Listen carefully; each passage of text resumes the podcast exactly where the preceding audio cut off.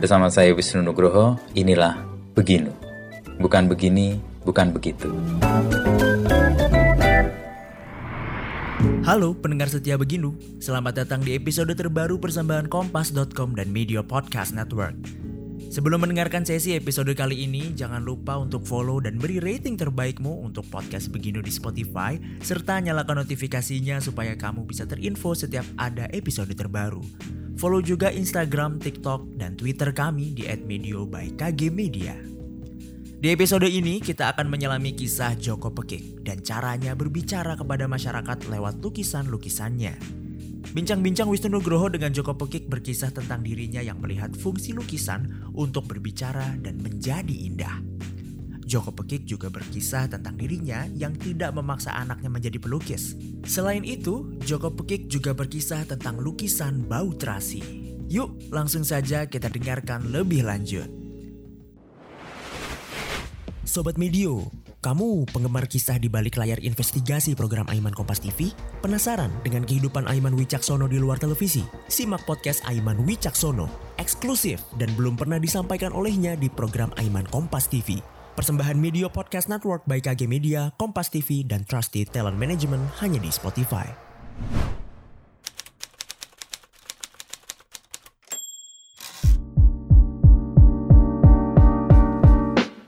Tapi bantuan yang Pak Peke berikan, kayak tadi yang lukisan keretaku tak berhenti lama itu kan juga cara berkomunikasi tentang solidaritas sebenarnya ya. Iya, oh iya. Bagaimana para buruh itu sebenarnya juga punya perasaan ingin membantu temannya yang lain yang juga merasa kesulitan. Mungkin ada begitu, tapi sebagai saya ambil perumpamaan mm -hmm. itu ya kurang artistik. kan kerja artistik mm -hmm. tidak hanya karya seni lukis hanya bisa bicara kepada publik tok itu tidak ya harus berbahasa politik pun dirubah jadi indah sekali lukisan itu indah mm -hmm. enak dilihat tapi tetap bicara hmm. Jadi nggak bisa condong di salah satu aja ya Pak Peke ya? ya. Indahnya tapi nggak berbicara atau berbicara tapi nggak indah? Ya. Pak Peke merasa karya Pak Peke itu condong ke indahnya atau ke bersuaranya? Ya, mudah-mudahan indah dan bersuara. Ya. Indah dan berpendapat. Hmm. Indah dan bisa hubungan sama publik. Hmm. Orang sastrawan dengan bahasa katakanlah bahasa Indonesia tidak eh, sastrawan kan? Mm-hmm. kan dengan bahasa yang bagus sekali. Pelukis, juga gitu. Mm-hmm. maksudnya bicara jelek. Mm-hmm.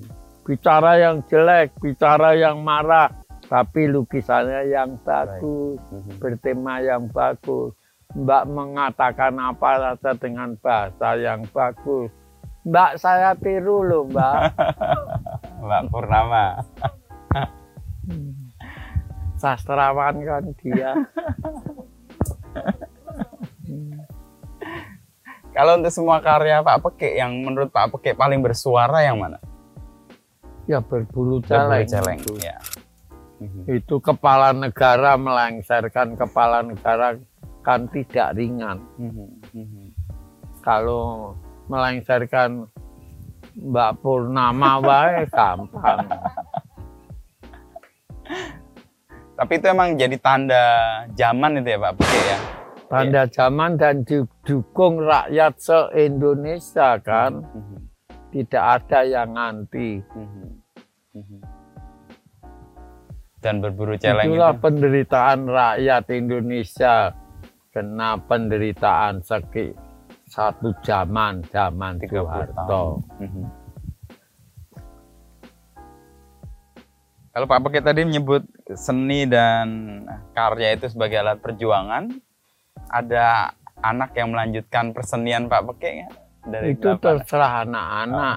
Oh, terserah anak-anak tidak boleh melukis karena melukis itu berat, Mas. Karena? Ya berat, tidak tahu. Saya lihat anaknya pelukis-pelukis yang Ya mungkin Sudoson Yono, Apadi, Indra Gunawan. Itu saya lihat-lihat anaknya ya jadi pelukis. Kok tidak jadi jadi pelukis kok tidak tidak hebat. Mhm. Kok malah menjadi tukang malsu, tukang apa. Kan jelek sekali, hidup kok jelek sekali. Ya sudah kuliah mata pencarian untuk cari sesuap nasi kalau kuliah umum kan ya. Tidak seperti Joko Pekik jadi pelukis. Hmm. Pelukis itu kalau bisa ya ya hebat. Kalau nggak bisa ya jadi pencoleng itu tadi. Pak Pekik sendiri menemukan lukisan atau profesi pelukis sebagai jalan hidup itu kapan Pak Pekik? Pelukis itu bukan jalan hidup. Apa tuh Pak Pekik? Jalan untuk cari makan, bukan. Untuk bicara. Ah, Oke. Okay. Melukis itu untuk bicara, mm -hmm. bukan untuk hidup. Mm -hmm. Sepiring nasi, itu kalau dari sepiring nasi saya tidak kuat mengalami dari 65 sampai 18 tahun pemerintahan Gus Dur. Itu kalau tidak dibakar semangat yang luar biasa nggak akan sampai sekarang. Itu beratnya melukis ya Pak, pakai ya? ya. Bukan jalan hidup tapi Mampu. jalan untuk bersuara. Hmm. Hmm. Nah, ketika suaranya nggak terdengar, rasanya gimana Pak Peke? Saya nggak terdengar. Iya. Kan ya. dulu sempat di blacklist lama kan? Ya blacklist lama. Saya kan tetap melukis, yang melukis yang diingatkan oleh wartawan dari Pulau Buru tadi. Mm-hmm. Melukis bertema terus saya. Mm-hmm. Tidak punya cat. Zaman dulu itu masih susah cat. Mm-hmm saya baik sama apa di sisa cat plototan itu saya minta semua saya untuk teruskan menggambar. Oke. Okay. Jadi minta Sisa. minta apa di mbak? si hanya sisanya kan plototan saja. Hmm.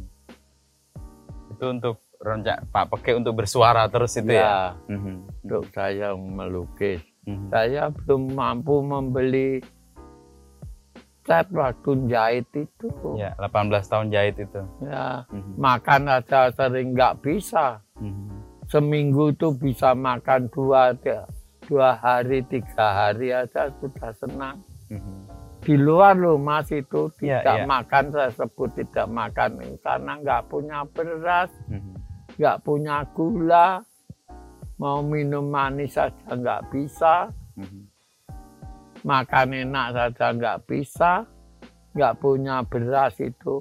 Sering dapat bantuan dari gereja dengan bul apa beras apa namanya? Bulgur dulu ya. Bulgur. Ya bulgur. Bulgur sama apermut mm-hmm. itu sudah uleren kabeh. Hmm. Sudah dipangan ular untuk susu ular. Lah zaman dulu tuh televisi eh televisi. Listrik kan belum, belum ada, masuk. belum ya. murah ya. masih hmm. satu satu nol dan listrik tiap rumah belum punya hmm. aliran listrik kan gelap dengan lampu minyak itu sentir. Hmm. Lah bermut apa tadi diliwet hmm. ya karena gelap ya nggak kelihatan ada ularnya setelah dimakan jadi nasi terlihat oh ada ularnya pada mati karena diliwet hmm. ya untuk lauk sekali. sekalian proteinnya ya ya itulah keadaan hmm. saya tapi titik balik Pak Peke kapan ya dari situasi yang menekan dan sulit 18 tahun itu titik baliknya kapan dan apa peristiwanya Pak? Ya titik baliknya itu sejak tahun 1985 mm-hmm. saya diam-diam tahu-tahu ada pameran kias dengar kias, ya, kias. Ya. di Amerika ya dulu ya Amerika itu bata eh kurator milih Karya. orang Hmm. pelukis Indonesia dilihat oleh kurator Amerika. Oh pilihannya gini. Oh kalau pilihan kayak gini tidak laku untuk pameran di museum besar, Mhm. hanya di museum pinggiran. Saya tolak. Kurator Amerika turun mem- me- me- memilih sendiri. Lah saya kan Terpilih. terpilih. Ektapol kok terpilih pameran nasional dibrontak semua pelukis Indonesia. Indonesia. Mhm. Tidak hanya pelukis orang apa ya teater pun apa ya ikut berontak semua. Mhm. Lah akhirnya saya dipilih orang Amerika, kurator Amerika, itu. terpilih seniman semua berontak jadi berita besar Mhm. Ya dan saya dipilih eh di, dibela oleh Menteri Luar Negeri Kusuma Atmaja ya Mokhtar dulu Kusuma Atmaja ya. itu baru berharga Joko Peke Wah, menteri aja membela Mhm. seni yang berpolitik Mhm. akhirnya jadi berita besar berita koran Rupa TV Semua. majalah semua jadi berita kolektor kolektor mencari. loh ada pelukis namanya Joko Peke dilihat karyanya kok senang kok baik kelihatan zaman dulu itu waktu itu sudah su- apa lukisan sekarang ki apa mbak ah, kontemporer. Mhm. sudah waktu itu sudah kontemporer lukisan sekarang sudah kontemporer. Joko Peke kok kelihatannya lukisannya gini masih mampu terasi. Ya. Saya ditanya wartawan lukisan Joko Peke kenapa kok jadi kesohor sekarang? Mhm. ya gini orang-orang sudah kontemporer semua saya lukisan saya masih mampu terasi. Saya bilang saya gambarkan orang lari 10 kilo orangnya 100 yang kontemporer sudah lari semua sudah hampir penis semua. Joko Peke yang saya mampu terasi saya intil-intil di belakang sendiri sendirian. Pasti kelihatan yang baik sendiri ya mungkin yang sendiri itu. Itu alasan saya kepada wartawan. Karena saya larinya ini nggak bisa cepat ya cuma Intal, intil, intal, sendirian di belakang kan kelihatan. Mhm. baik atau jelek kelihatan. Kalau 100 bareng mau penis Malah semua nggak kan. kelihatan. semua kontemporer nggak ada yang bau terasi Itu kayak selaman selumun selamat juga. ya itulah jawaban saya sama presiden sama wartawan Lukisan apa tuh Pak pakai dulu yang dipilih kurator dari Amerika itu? lupa mas ya i- itu keretaku tak berhenti lama Oh, itu lukisan. juga Mhm. ada empat kok lupa loh Mhm. Dan setelah itu kan value Pak Peke kan naik ya, ya didengar orang didengar orang. dengan war- wartawan didengar kolektor didengar orang senang lukisan saya banyak dibeli orang-orang itu waktu itu 89 saya bisa beli mobil Mhm. beli mobil Citrun Mhm. yang bisa naik sendiri yang sudah mobil modern banget Mhm. Kok cuma membeli citrun tok ya harus dua ya citrun juga chip citrun Oh. saya beli kalau membeli satu ndak dikara ndak diarani lu duitnya cuma pas-pasan untuk satu mobil ya beli dua sekaligus umuk saya terus umuk lah. dibenci orang kan itu hmm. sejak pameran Amerika terutama itu dibenci orang. Waktu itu orang-orang belum banyak punya mobil, belum banyak. Memang mobil belum banyak seperti sekarang. Oh mau beli mobil dua. Mereka ada yang mau beli mobil tidak tidak tidak citrun ya.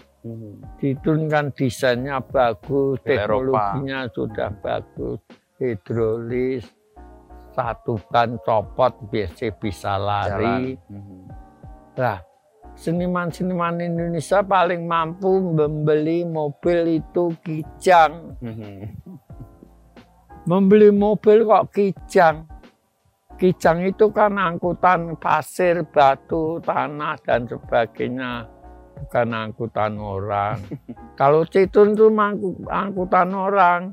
Dan Citrun itu di tas nabrak pohon itu mesinnya Aman. tetap tidak lari ke Belakang. tempat sopir. Hmm.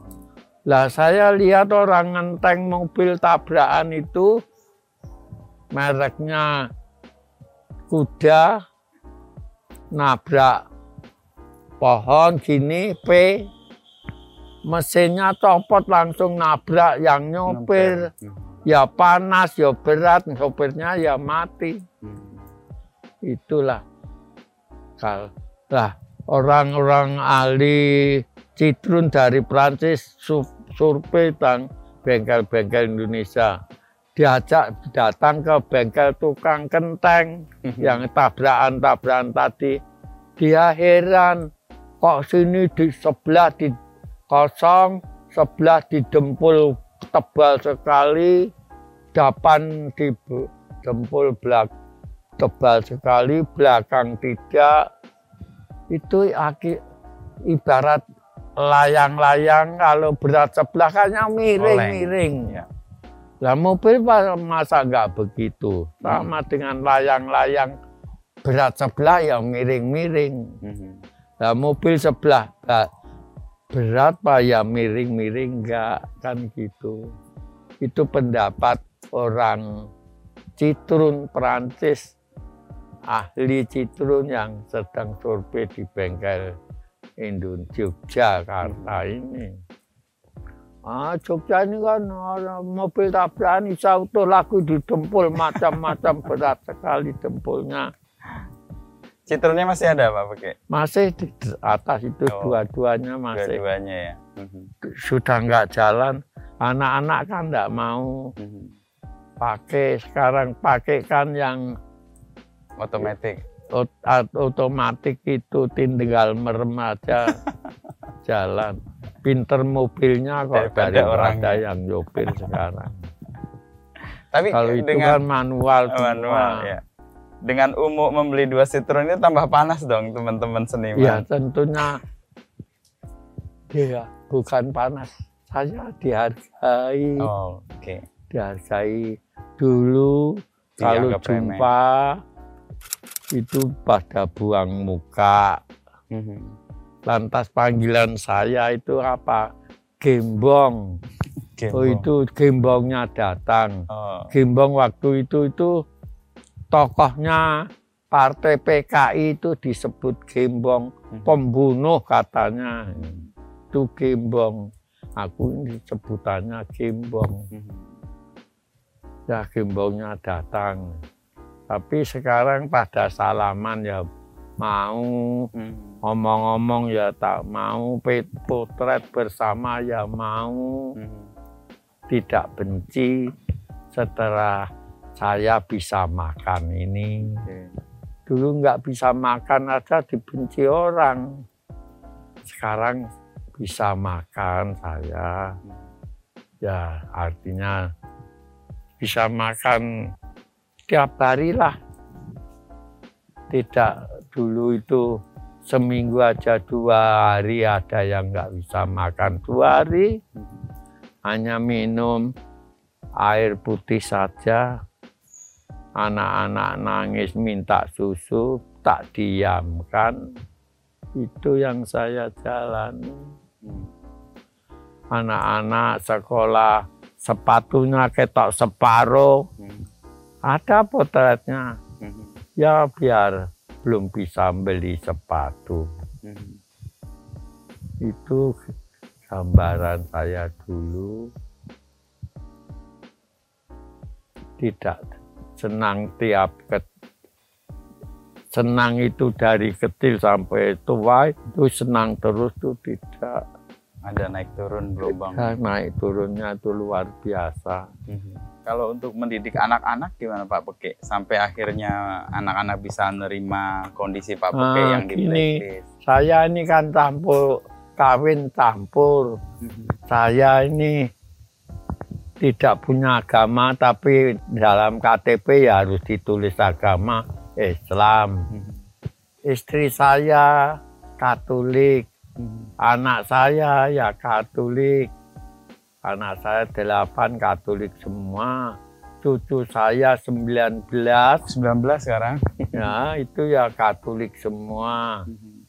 Waktu kawin saya diminta oleh Romo boleh kawin campuran Islam dan Katolik, tapi janji saya harus mau mendidik anak-anak secara Katolik. Mhm. Nah, akhirnya saya jawab, saya ini tidak tahu agama, Mhm. suruh mendidik cara agama apa pun. Kan keliru, saya nggak tahu agama, tidak saya tidak Katolik, tidak tahu mendidik secara Katolik. Akhirnya hanya saya sekolahkan di lingkungan saja, Mhm. misalnya di lingkungan susteran, ya pasti diajari Katolik. Biar orang lain ngajari, jangan saya di dulu kok diajari bapak cara Katolik, tidak enak.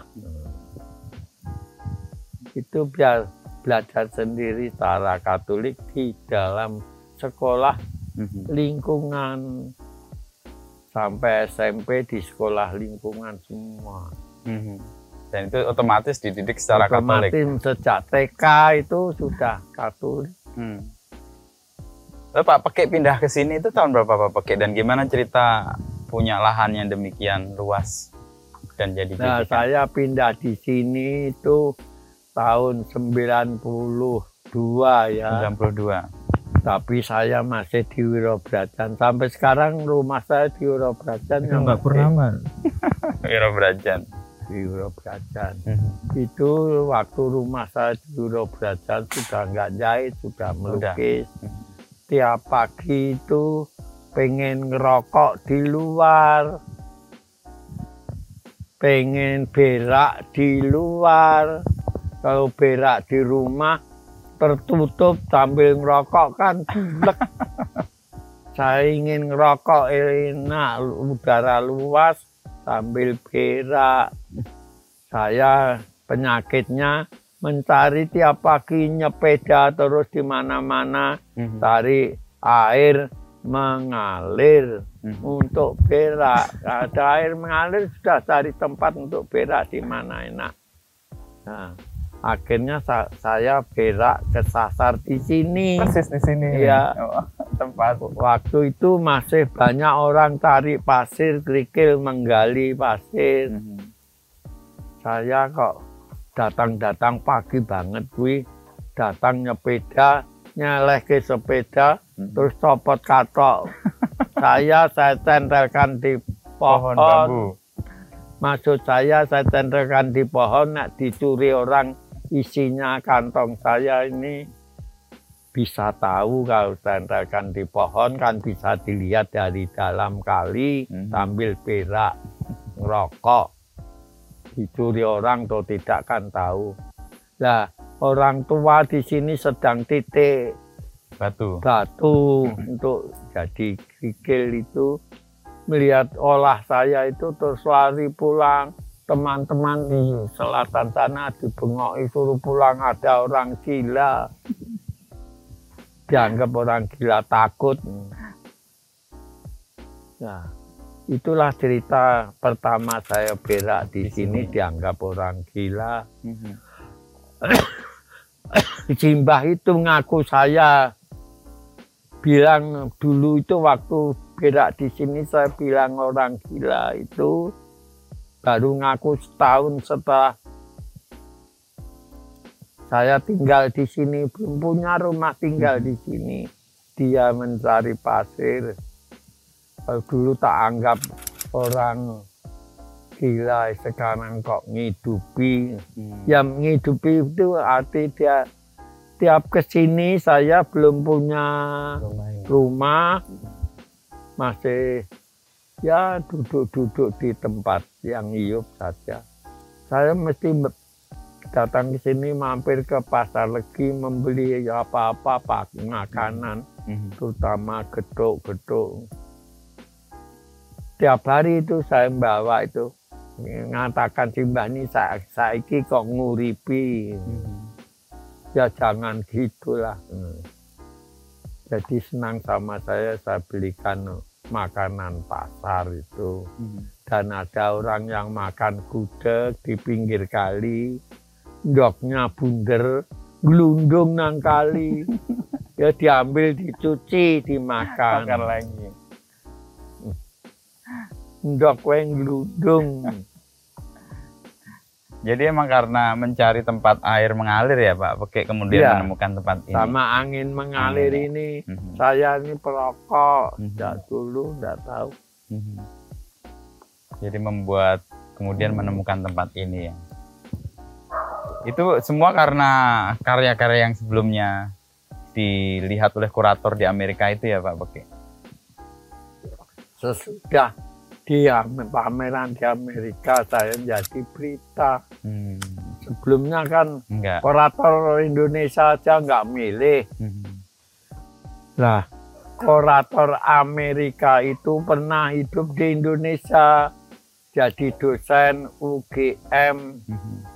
Itu pulang di Amerika itu karena Pak Bung Karno itu go home Amerika. Go to hell. Go home. Suruh pulang semua hmm. Amerika. Hmm. Dosen UGM oh, pun okay. diusir yeah. pulang. Hmm. Hmm. Jalan-jalan hmm. mahasiswa termasuk saya nulisi dengan belum ada cat nulisi hmm. kapur, kapur. ya sebentar hilang kapur go home Amerika go home hmm. Amerika itu itu sebelum ada orator Indonesia itu. Hmm. Nah, hukum Amerika, orang Amerika datang ke sini itu kan tahun-tahun sebelum 65, hmm. tahun-tahun berdirinya ASRI, berdirinya UGM, hmm. UGM itu berdiri 49, ASRI 50 hanya terpaut tiga bulan. Hmm. Orang-orang Amerika itu ya banyak membeli lukisan-lukisan lekra. Hmm. Karena saya seneng lukisan lekra. Ada punya kolektor sampai sekarang. Hmm. Jadi kok sekarang yang dipilih hanya semua kontemporer semua. Nggak ada yang mampu terasi tadi. Nggak ada yang mampu terasi. Lah, terpilihlah Joko Peke sing mampu terasi. Akhirnya terpilih ya. Jadi berontak seniman-seniman itu. Mm -hmm. Orang ektapol kok dipilih seperti cerita saya tadi. Mm -hmm.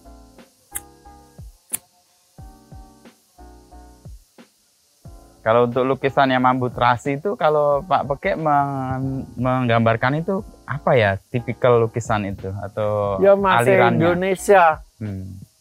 Masih timur, masih Indonesia. Punya karakter. Bukan barat. Hmm. Bukan kontemporer. Hmm. Bukan modern. Hmm. Bukan coret-coret. Terima kasih telah mendengarkan podcast Beginu. Nantikan obrolan Wisnu Nugroho bersama narasumber inspiratif lainnya. Jangan lupa juga untuk follow dan nyalakan notifikasi podcast Beginu agar tidak ketinggalan episode selanjutnya. Saya Dava Wahyu dan segenap tim Media Podcast Network pamit undur diri.